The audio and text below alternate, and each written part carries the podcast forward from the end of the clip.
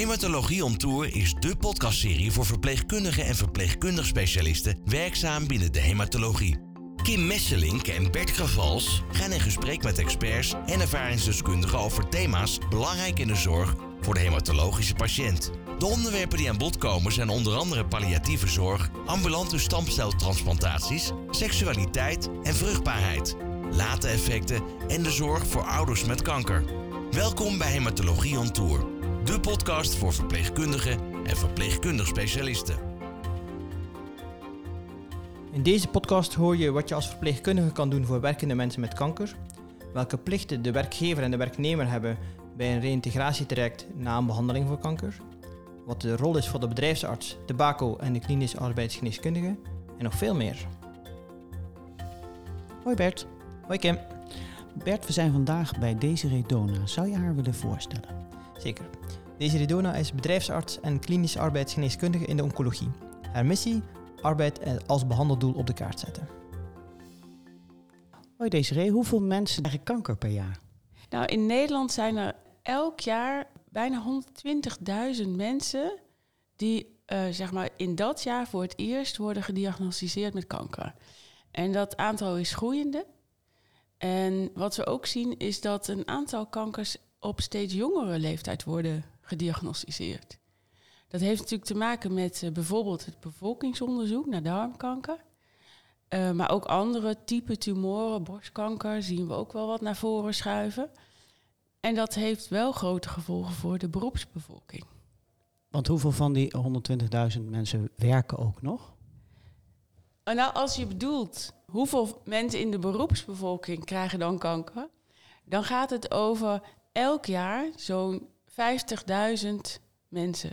En dat aantal is ook groeiende, want de behandelmethodes worden steeds beter. Dus steeds meer mensen zullen moeten leven met kanker terwijl ze in de werkende leeftijd zijn. En we hebben een vergrijzende populatie. Hè. Op de werkvloer, het aandeel van ouderen wordt steeds uh, groter. En we hebben een uh, toegenomen pensioengerechtigde leeftijd. Dus we werken met z'n allen langer door. Waardoor dus steeds meer mensen op de werkvloer zullen krijgen die leven met of na kanker. En waar lopen mensen die werken tegenaan als ze ook uh, gediagnosticeerd worden met kanker? Ja, dat zijn een aantal problemen. Om bij het begin te beginnen, mensen geven achteraf aan, en dat heeft uh, de patiëntorganisatie heel mooi uitgevraagd in een uh, doneer je ervaring uitvraag, dat ze achteraf hebben gemist dat ze niet meteen na diagnose met hun arts hebben kunnen bespreken wat de gevolgen voor werk zullen zijn. En als de arts dat niet kan doen, dan wellicht met de verpleegkundige. En dat hadden ze wel gewild. Dat geeft eigenlijk het merendeel aan. Want de gevolgen voor werk kunnen groot zijn. Dat hoeft niet voor iedereen, maar voor een groot deel van de patiënten geeft aan dat zij wel gevolgen ervaren.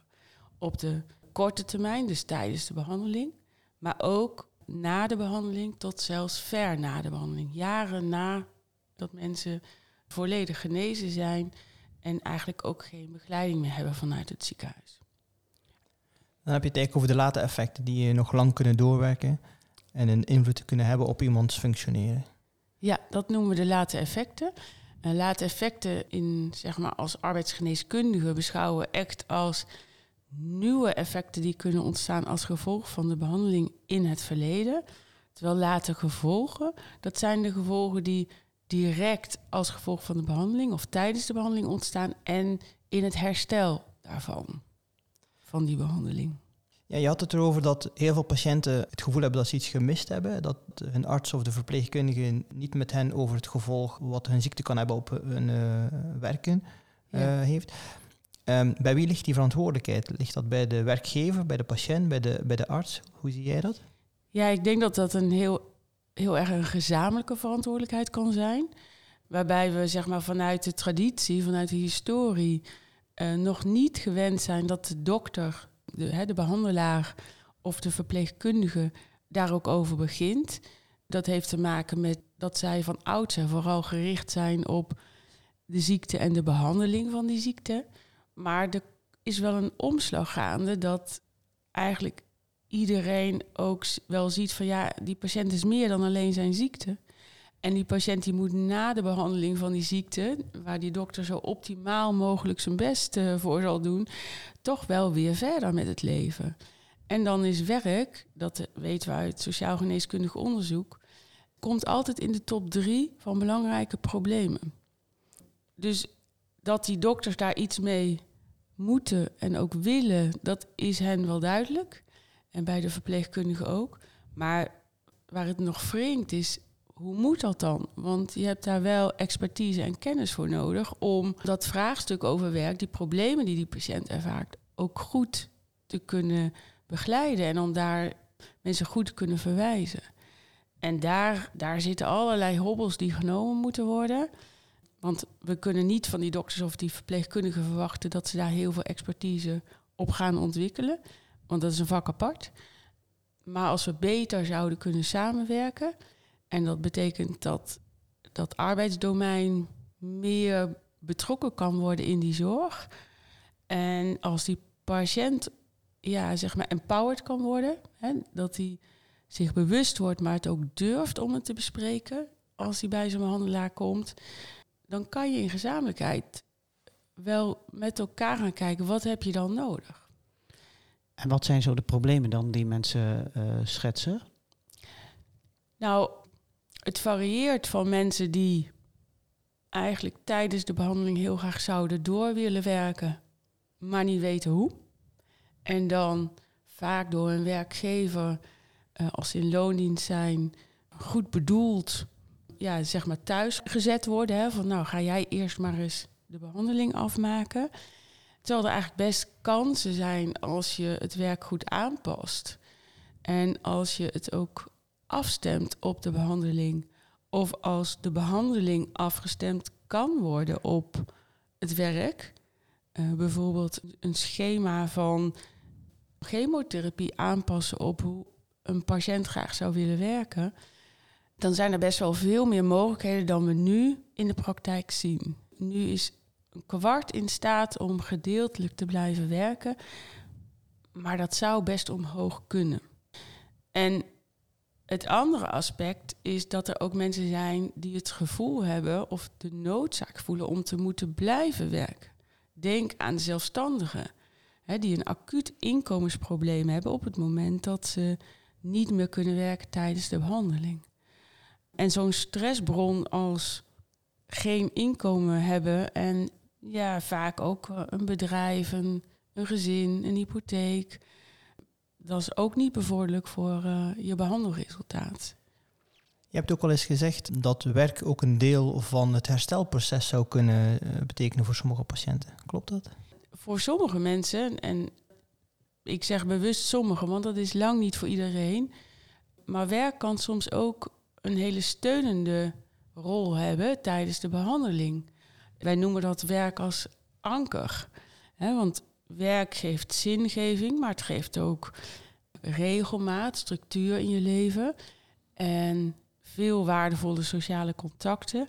En als je in een behandeling die soms heel lang kan zijn, kunt blijven werken op maat, dan kan dat ook bijdragen aan normaliseren van het leven. Dat je niet alleen patiënt bent, maar dat er ook, ja, zeg maar, een gezonde kant is die waar je op dat moment nog, terwijl je behandeld wordt, op in kunt zetten. En wat we zien, als dat goed lukt, dat moet wel goed ingeregeld worden, maar als dat goed lukt, dan knappen mensen ook eerder op. Hun herstel gaat makkelijker en ze gaan ook uh, makkelijker daarna weer volledig terug naar het werk. Omdat ze nooit dat raadje naar werk zijn kwijtgeraakt.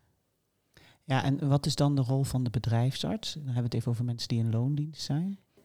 Als je als werkende in loondienst bent, dan heb je in principe de begeleiding van een bedrijfsarts. En ja, in de meest optimale situatie zou die dus al vanaf diagnose met die werkende die ziek wordt, uh, dit gesprek hierover moeten aangaan. Van wat wil je, wat zijn de voordelen, uh, wat kan er, wat kan er ook niet wat zou er binnen het bedrijf geregeld kunnen worden? hoe wil je het contact onderhouden?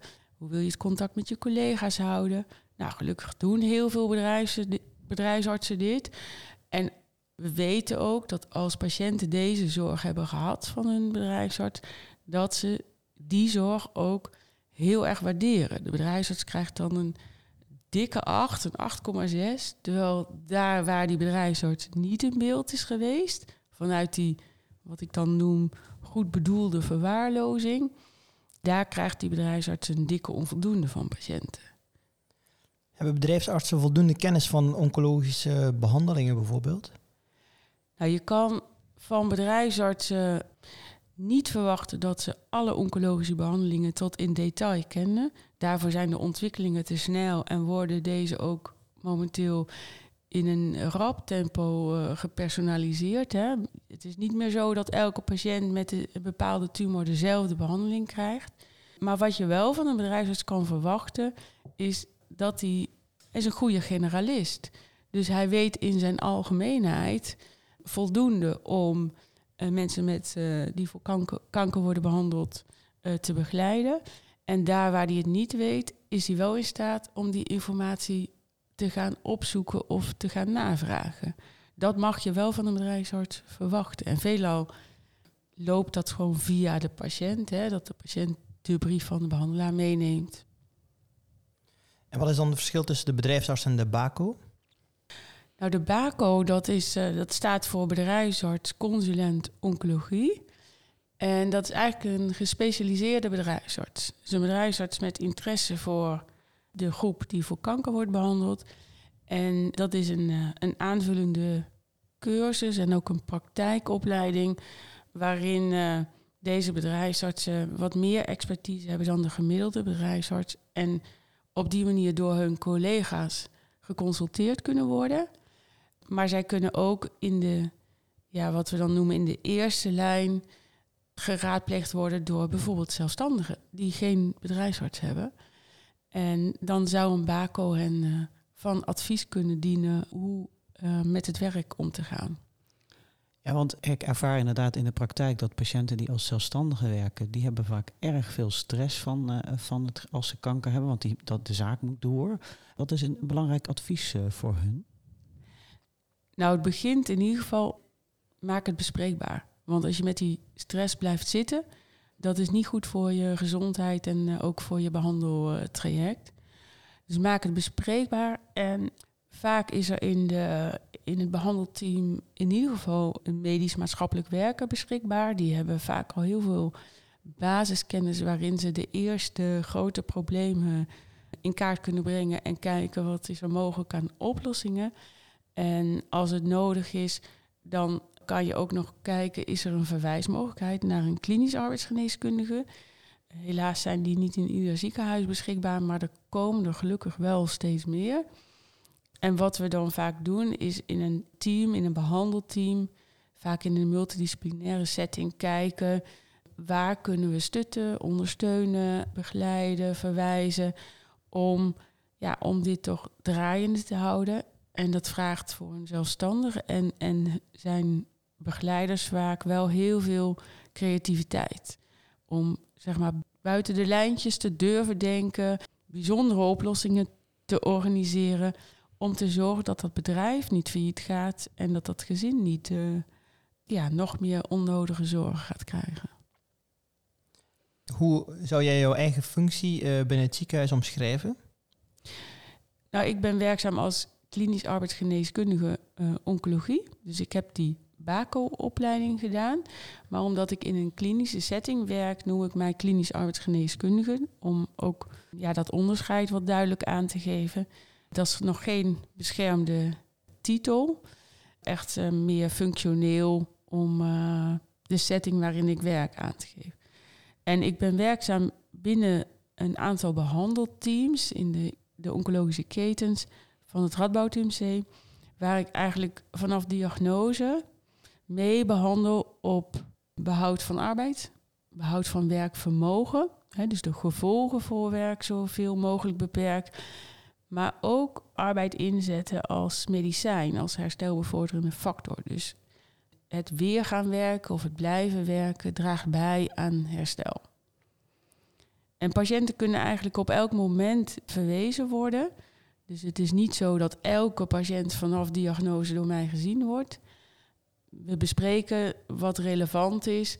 En de verpleegkundigen hebben een soort uh, triagelijstje van welke patiënten moeten nou zeker wanneer verwezen worden. Maar dan gaat het meer over risico's inschatten. En als de mensen na de behandeling en ze zijn klaar, wat voor adviezen kun je hen geven als ze dan weer willen gaan werken?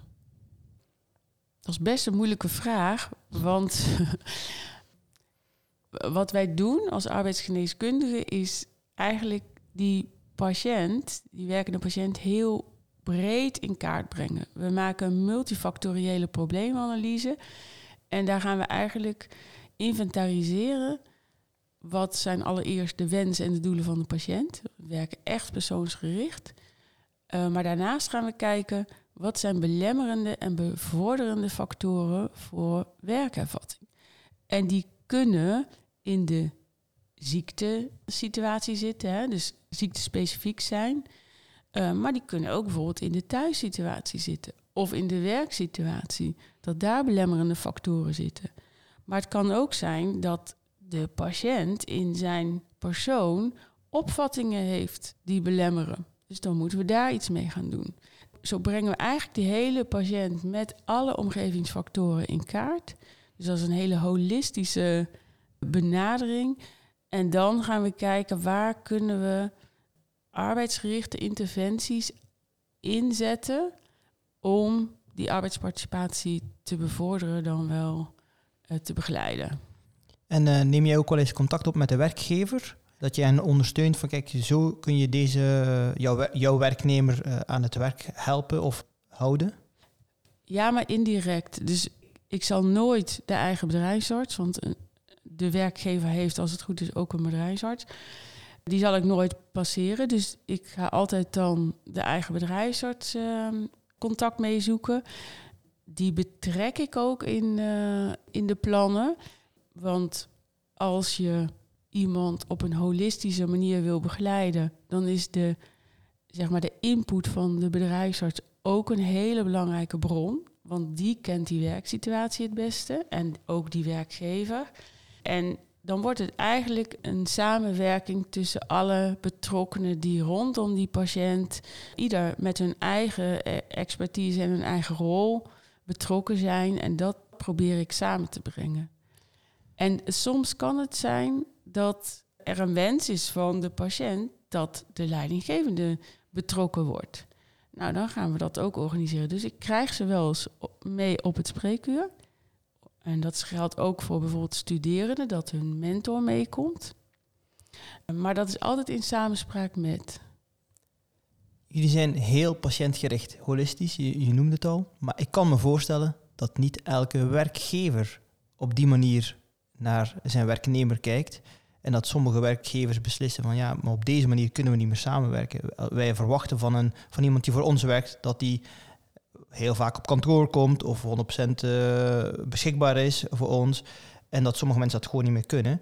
Heb je een idee hoeveel mensen hun baan verliezen ten gevolge van, uh, van kanker?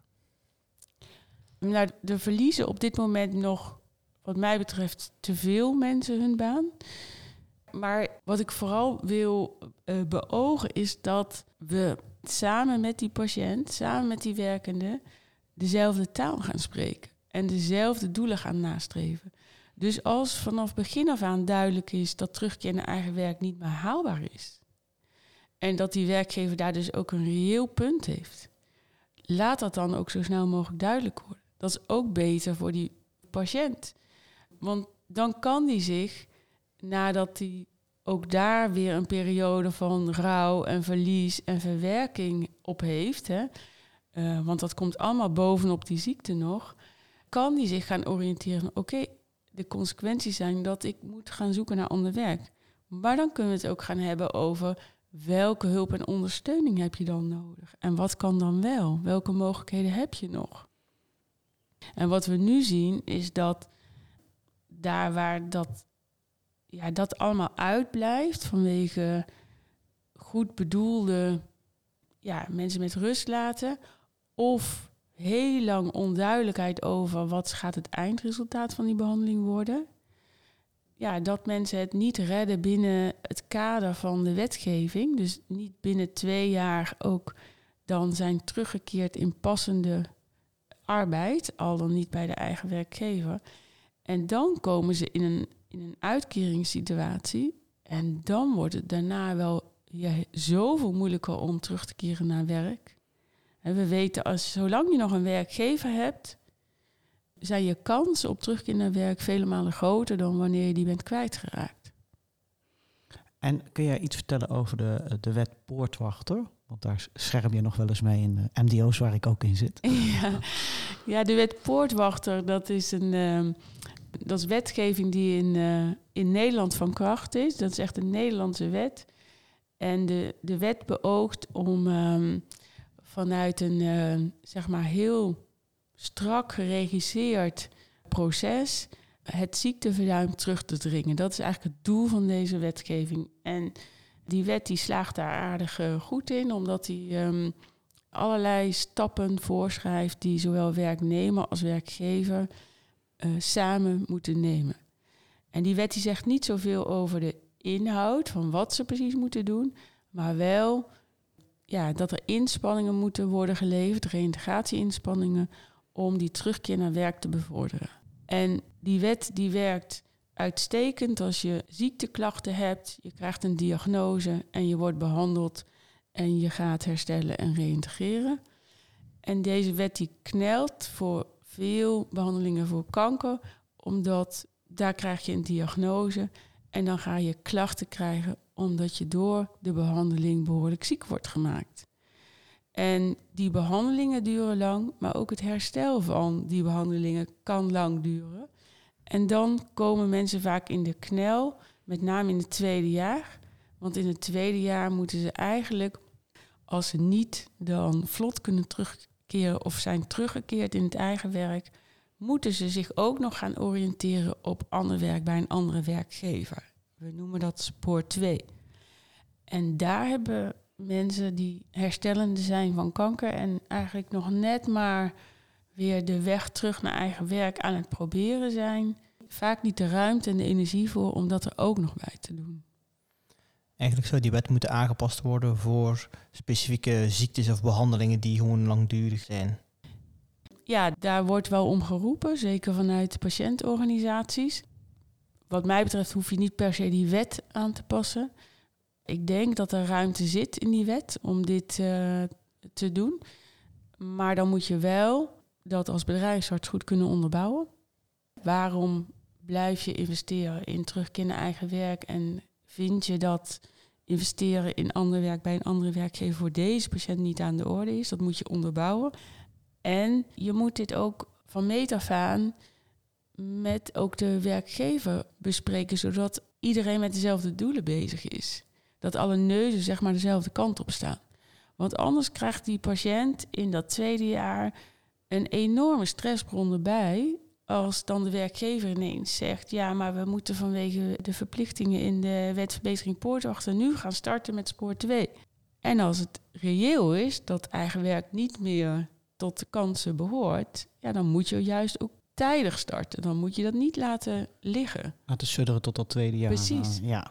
En dan zou je inderdaad, aan de ene kant helpt die wet eigenlijk om ook uh, werkgevers bij de les te houden. Precies. Uh, dus dat is, maar je zegt eigenlijk, als het niet op patiënt is afgestemd, dan is het eigenlijk een knellend iets. Ja, er zijn natuurlijk echt wel uitzonderingen.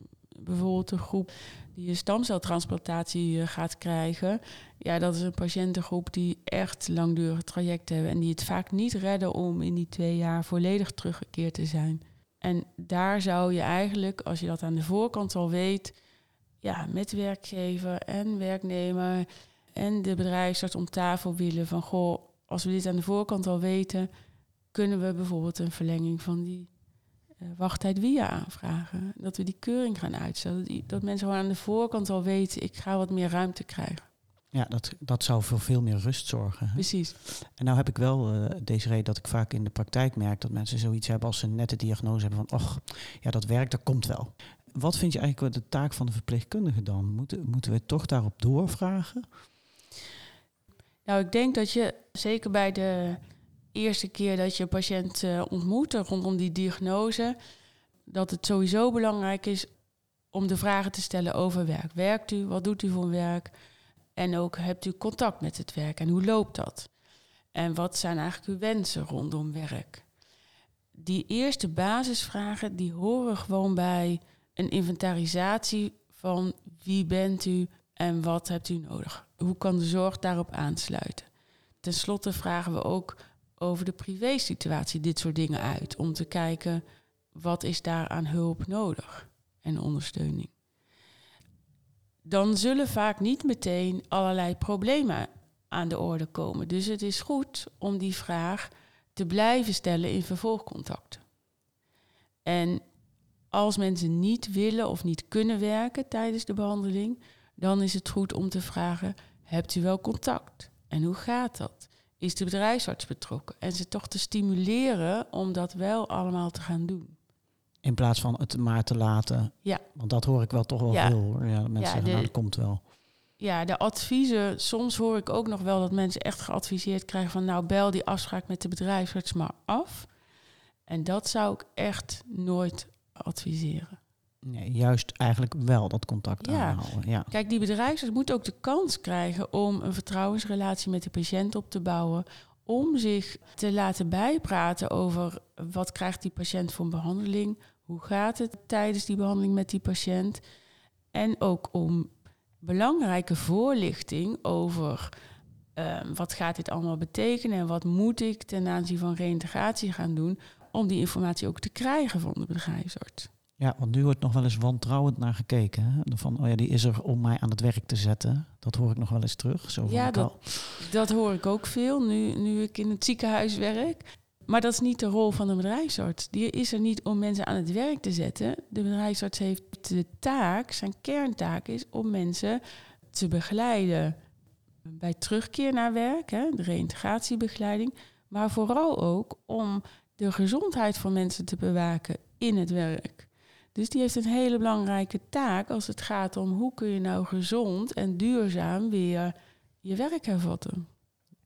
Nu stel je zit als patiënt in dat spoor 2 uh, bij je huidige werkgever. Daar zie je bijna geen toekomst meer. Je gaat uh, voor een andere baan of je bent door kanker je, je baan kwijtgeraakt en je moet gaan solliciteren. Adviseer je dan om uh, van in het begin aan te geven dat je kanker gehad hebt of juist niet? Daar zitten ook meerdere kanten aan, aan deze, aan deze vraag. Als je gaat solliciteren, even vanuit het wettelijke kader, ben je niet verplicht om te vertellen dat je iets medisch onder zijn leden hebt of hebt meegemaakt.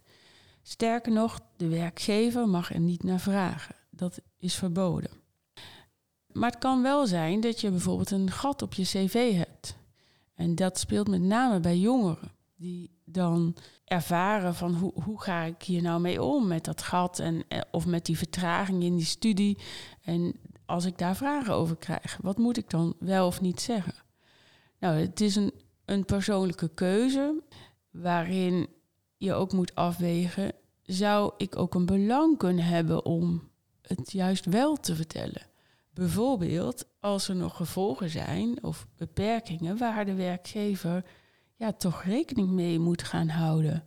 Want als je een start gaat maken in een nieuwe baan, waarin je eigenlijk met jouw beperkingen net steeds over je grens gaat, dan ga je op termijn wel risico lopen dat je hierop uh, gezondheidsklachten gaat ontwikkelen.